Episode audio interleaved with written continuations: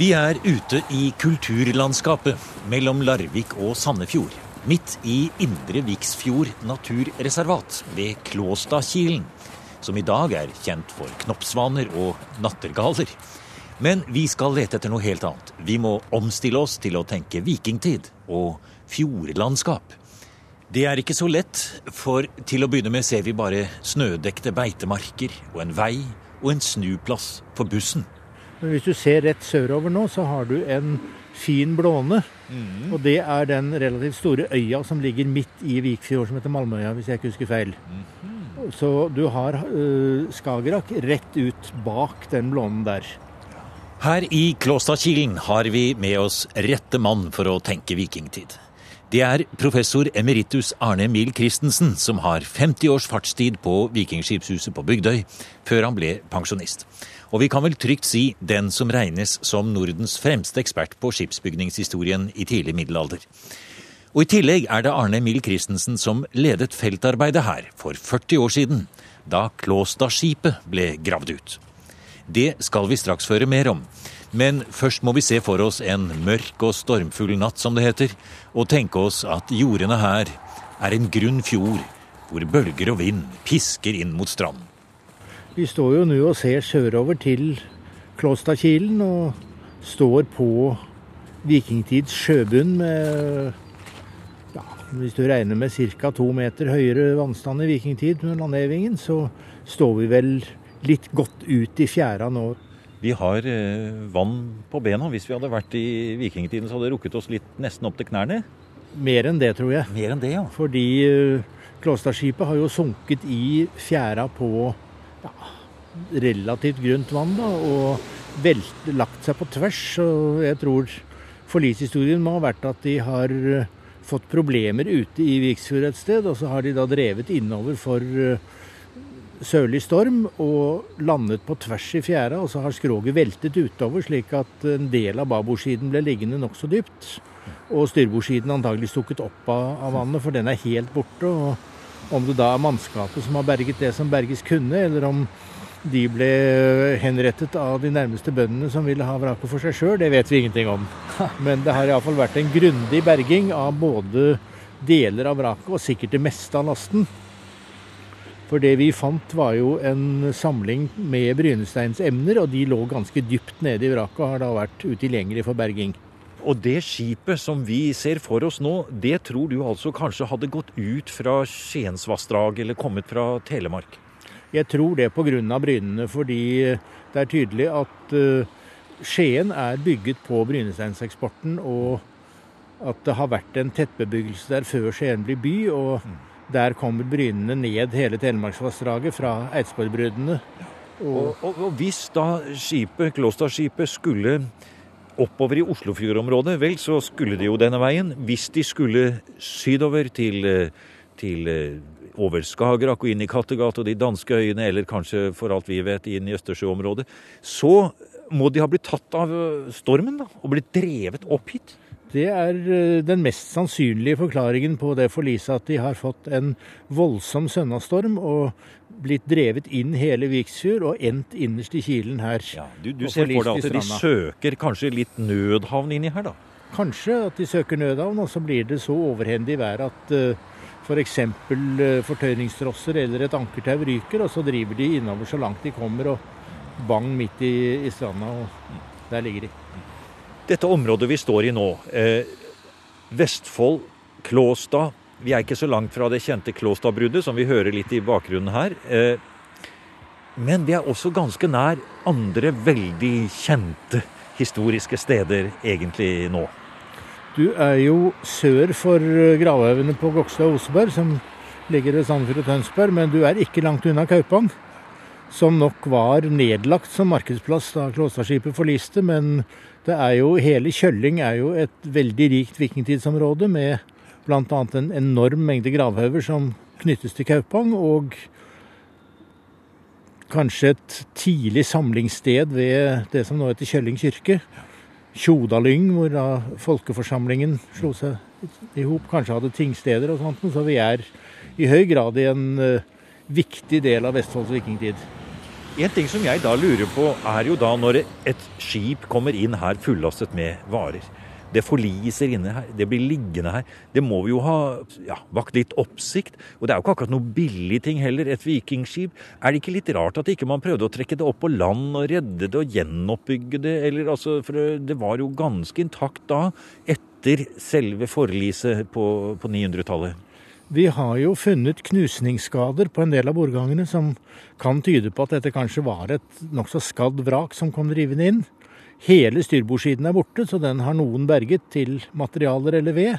Mm. Og det har sikkert vært veldig mye mer last enn de 30 eh, brynesteinsemnene vi har funnet. Som, og det betyr jo da at enten har mannskapet overlevet og berget det som berges kunne, eller så har de druknet eller blitt slått i hjel av bøndene omkring her, som da har forsynt seg av vraket. Og vi er i et område du har nevnt eh, Kaupang, Skiringshall. Men siden vi snakker om vikingskip, så må vi jo også da nevne Gokstad og Oseberg, selvfølgelig. Både Gokstad og Oseberg er jo gravhauger. Og da dette skipet ble funnet i sin tid fordi bonden laget en ny drensgrøft, så var det ti år etter at Gokstadskipet ble gravet ut. Og alle i Vestfold visste jo hva et vikingskip var. Så daværende gårdbruker har tenkt at aha, nå skal det bli store penger å tjene på dette. Og antikvar Nikolaisen, som grov ut Kokstadskipet, var nede og så på dette. og skrev en liten rapport og konkluderte med at dette er ikke noen vikingtidsskipsgrav, men et forlis, og at det er veldig vanskelig å tidfeste, men kan være middelalder. Og han håpet på at det kunne bli mulig å grave det ut, og det ble det da ikke, antagelig av økonomiske grunner. Men det er jo helt ukjent, egentlig. Klåstadskipet? Eh, altså, det er jo nesten ingen som har hørt om engang. Det er vel delvis min skyld, fordi det er skrevet for lite om det. Men eh, vi regner jo i arkeologi så snakker vi om de fire store. Oseberg, Okstad, Tune og Klåstad. Og i motsetning til de tre andre, som vel er eh, allround-fartøyer fra midt i vikingtiden, så er Klåstad et relativt karakteristisk handelsskip. Og nesten 100 år yngre. Og viser da en del av hva som er skjedd i skipsbyggingen mellom det stadiet vi har i Oseberg og Gokstad, og det stadiet vi har i de senere fartøyene fra Danmark, de to norskbyggede skulderlevskipene 1 og 6. Hvis vi skulle ha satt opp Klåstadskipet, og hvis man skulle ha bygget la meg si, en kopi av det, en replika, hvordan ville størrelsen og fasongen ha vært i forhold til ja, f.eks. da Gokstadskipet? Litt mindre, ca. 20 meter langt mot Gokstads 24. Mm. Og litt breiere i forhold til lengden, litt mer høyboret. Antagelig mer et seilskip. Men vi fant en del uh, av det som heter keiper, da, åreanlegg, som vel har vært brukt uh, hvis de skulle ro seg ut og inn av havn, og kanskje ro noen strekninger i litt motvind eller vindstille. Men uh, jeg tror nok mer seilfartøy enn rofartøy. Det er morsomt å høre. Nå, går vi litt rundt her på det stedet hvor du grov her, Arne Emil. I, ja, var det i Du har nevnt Det var vel rundt 1969. Og da hadde jo du nettopp vært med på noe helt annet som også er veldig spennende i norsk arkeologi, som du nesten kom direkte fra. Det var gravningen med Helge og Anne Stine Ingstad på Langsomedal, så jeg grov en prøvegrøft gjennom fire små naust. Ja. Som er noe av det mest spennende jeg har vært med på, faktisk. Ja. Og det var året før. Og så kommer du hit og graver da det fjerde vikingskipet. Jeg må si det var det, det, må vel ha vært noen spennende år, vil jeg tro? Det var det. Og jeg har jo hele mitt liv vært fantastisk privilegert fordi jeg har sittet på riktig hylle, eller vi kan si riktig tofte i denne sammenhengen. ja. Og gravningen på Klåstad var eh, Vi hadde godt vær, og jeg hadde et praktfullt gravningsmannskap. og det største problemet var faktisk det gode været, fordi vi måtte ha vann både for å spyle rent og for å holde skipet fuktig. Og mm. Til å begynne med så bar vi fra nærmeste grøft, og etter hvert så kom da Farrisvannledningen i sving, sånn at vi hadde det vannet vi trengte fra en velvillig nabo. Ja, som er det huset som ligger rett ved siden av oss her, har du fortalt. Men eh, altså, du må, du må kanskje forklare litt eh, nærmere dette. Vi skjønner jo at selve Tilstedeværelsen av skipet ble oppdaget så tidlig som i 1890-årene. Og som du nevner allerede da utover på begynnelsen av 1900-tallet, etter den berømte Oseberggravningen osv., så, videre, så er man og ser litt på det, men lar det altså ligge. Og så gjør man ingenting i det hele tatt med det, bare lar det ligge nede i jordene. Akkurat her vi står nå, på, ja det er midt under busstoppestedet her. Eh, der hadde det altså sunket til bunnen etter dramatiske forliset. så gjør man ingenting i det hele tatt. Jeg må nesten spørre hvorfor gjør man ikke noe i det hele tatt, og hvorfor begynner man å gjøre det i 69? Det at man ikke gjør noe, har vel sammenheng med at uh, norsk arkeologi alltid har vært underbemannet og underfinansiert. Og da vi måtte grave, så var det fordi det forelå planer om å senke vannspeilet innerst i Klåstadkilen. For å få mer beitemark og litt tørrere jorder utover mot stranda. Mm. Det ville jo senket grunnvannsspeilet videre innover, og ødelagt det som eventuelt var igjen av skipet. Men hadde dere noen forhåpninger om å finne et helt skip, eller trodde dere at det bare var smårester som dere ville komme på? Den opprinnelige planen var jo å se hva som måtte være igjen, og få dokumentert det i tegning og foto, og antagelig kassere, regnet vi med. For vi mm. trodde ikke at treverk som hadde ligget nesten 100 år i godt drenert jord, var noe særlig igjen i det hele tatt. Nei. Så viste det seg da etter hvert som vi, vi prøvestakk med noen armeringsjern og fant treverk og grov ned og fant tre et lite prøvehull så fant vi tre nokså godt bevarte bordganger, men veldig gjennomgrodd av takrør og i litt lurvete stand. Og så viste det seg da, når vi fikk frilagt det hele, at en del av skipssiden hadde veltet utover fra stranda og sunket på noe dypere vann. Slik at uh, Det lå over på siden, ja. På ja, det var, var, det akkurat her, eh, Arne? Det var. Du peker nå med stokken din her. Akkurat der hvor det ligger en, uh, står en bjerk. Vi, vi ja. er altså rett på nordsiden av den bjerka gikk daværende vei ut til Ula Eftang. Ja. Og vi grov på nordsiden av veien, så det blir mellom den lille trafikkøya der og uh, ja. Lysstolpen. Fant dere skader på skroget på noen måte? Det gjorde vi, og det var uh, nokså store splintringsbrudd på en del av de øverste bordgangene, så det har vært en dramatisk historie.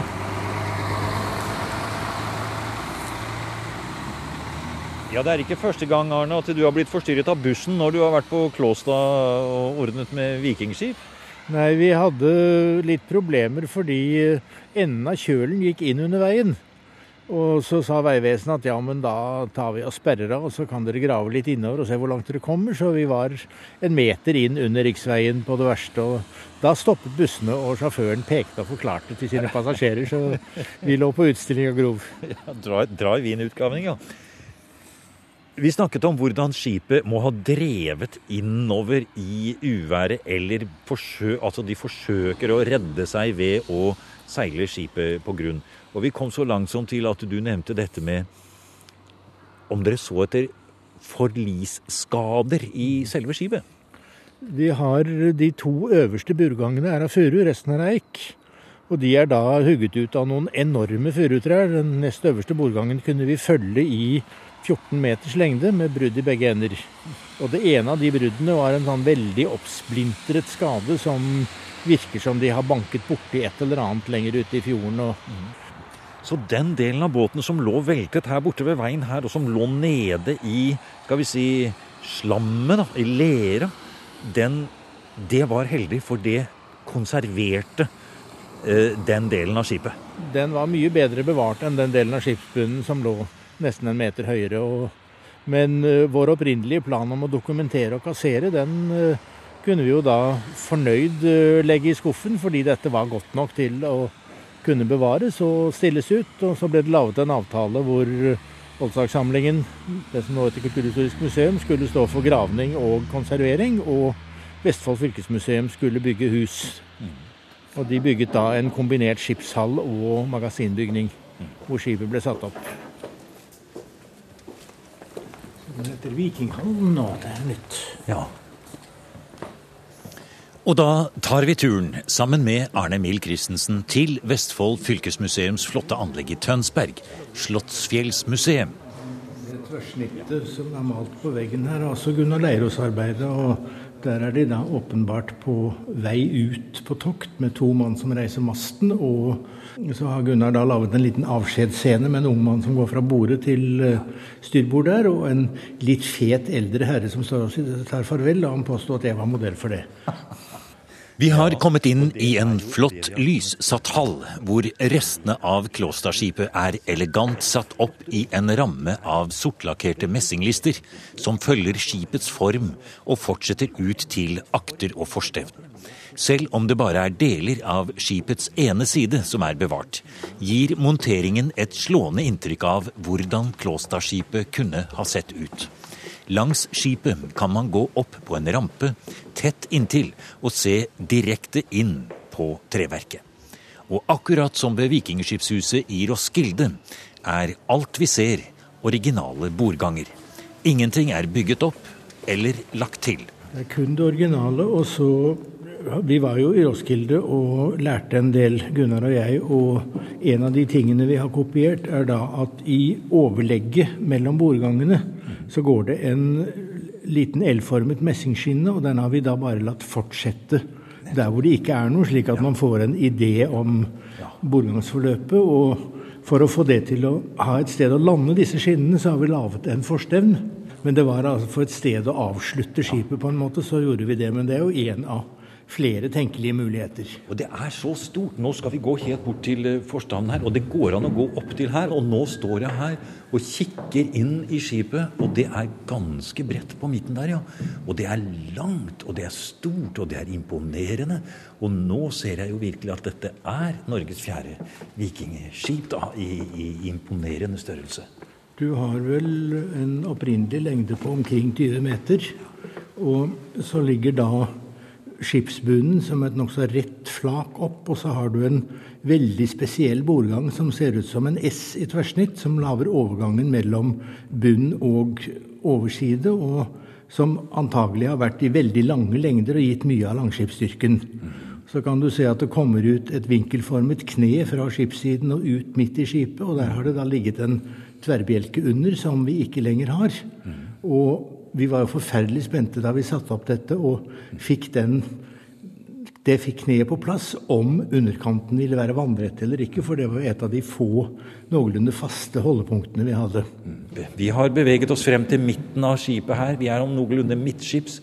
Går oppe på en, en, ja, et galleri, nesten, slik at vi nå står i høyde med det øverste bevarte bordet. Og se de store gjerne Ja, det er jo ikke klinker engang. Det er, det er trenagler som holder knærne. Altså, de enkelte bordgangene er jo holdt sammen med jernnagler, ja. klinknagler. Og så er det trenagler inn i bånd og knær, i motsetning til Joseberg og Gokstad, hvor det jo er surringer med klosser som er satt igjen på borda.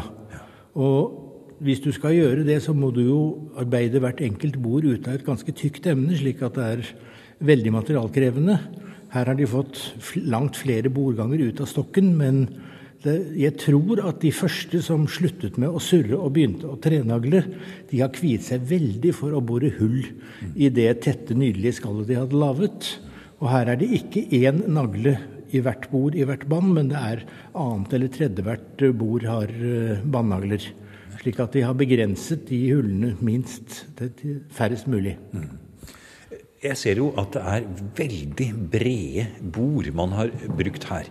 Og her, når vi står og ser her, så ser vi jo hvordan de har også vært sammenført. For her ser vi en skråskjæring av et bord, midtskips omtrent her.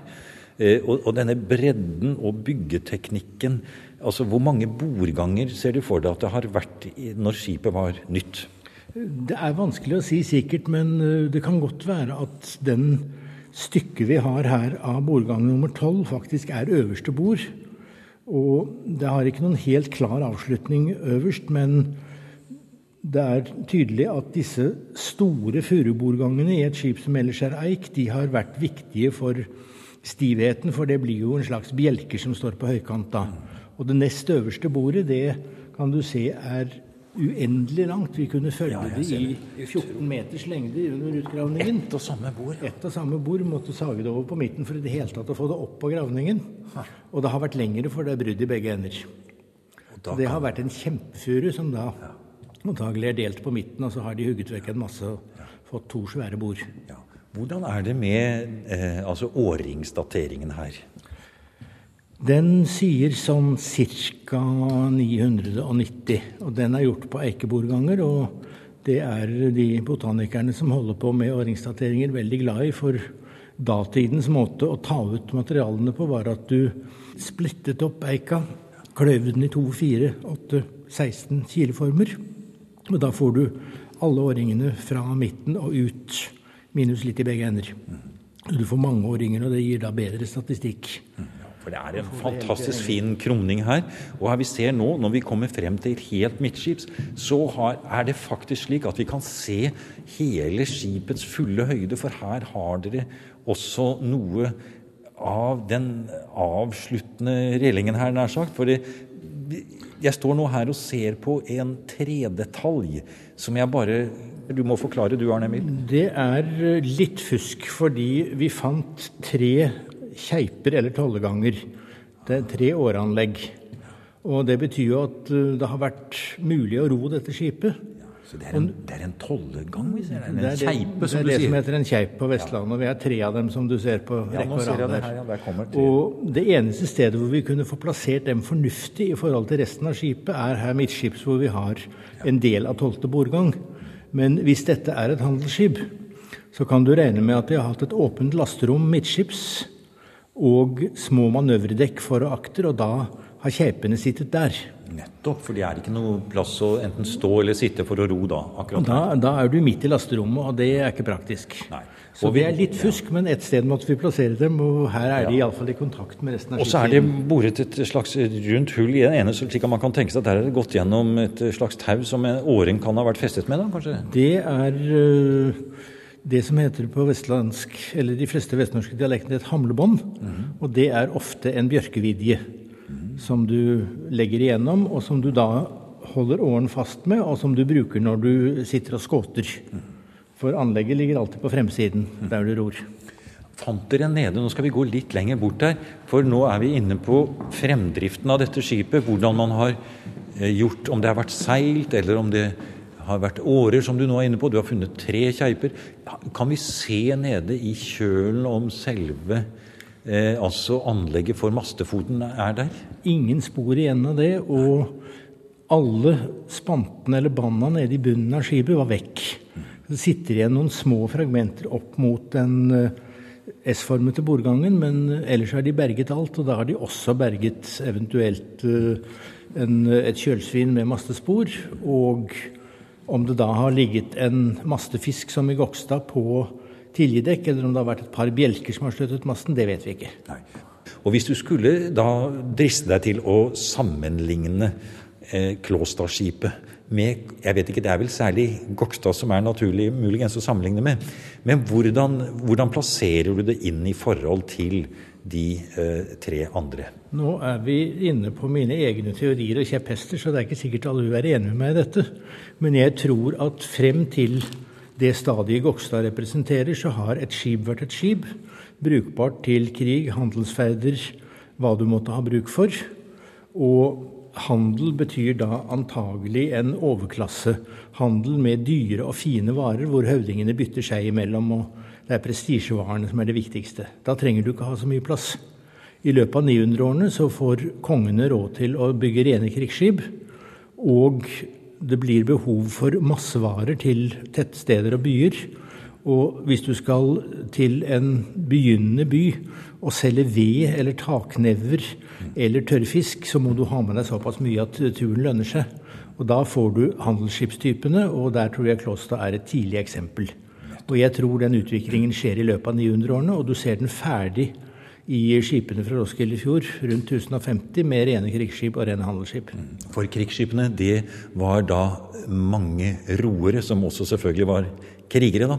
Eh, mens handelsskipene, der var det lagt større vekt på å bruke volumet i båten til last. Og man hadde da selvsagt et eh, stort seil, og kanskje bare noen få årer.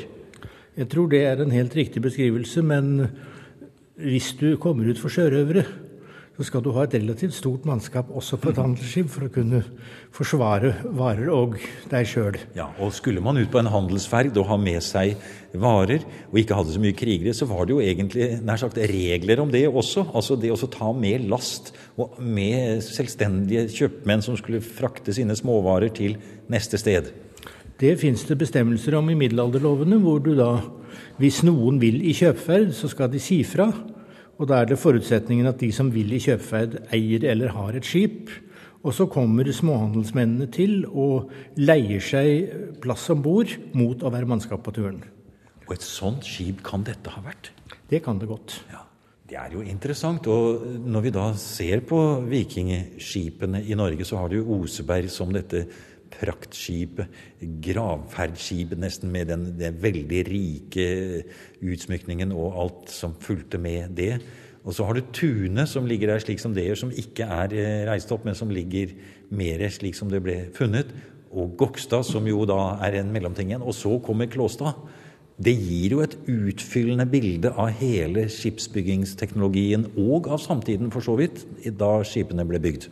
Det gjør det, og jeg syns nok eh, at Klåstad bør ha en litt mer romslig plass i både sjøfartshistorien og som turistattraksjon. Og jeg håper at eh, museet her utnytter det og får mer folk hit og får brukt skipet i sin markedsføring mer enn de gjør i dag. Du har nå hørt programmet Museum som podkast fra NRK. Museum sendes i NRK P2 på lørdager og søndager. Du finner flere programmer på nrk.no podkast.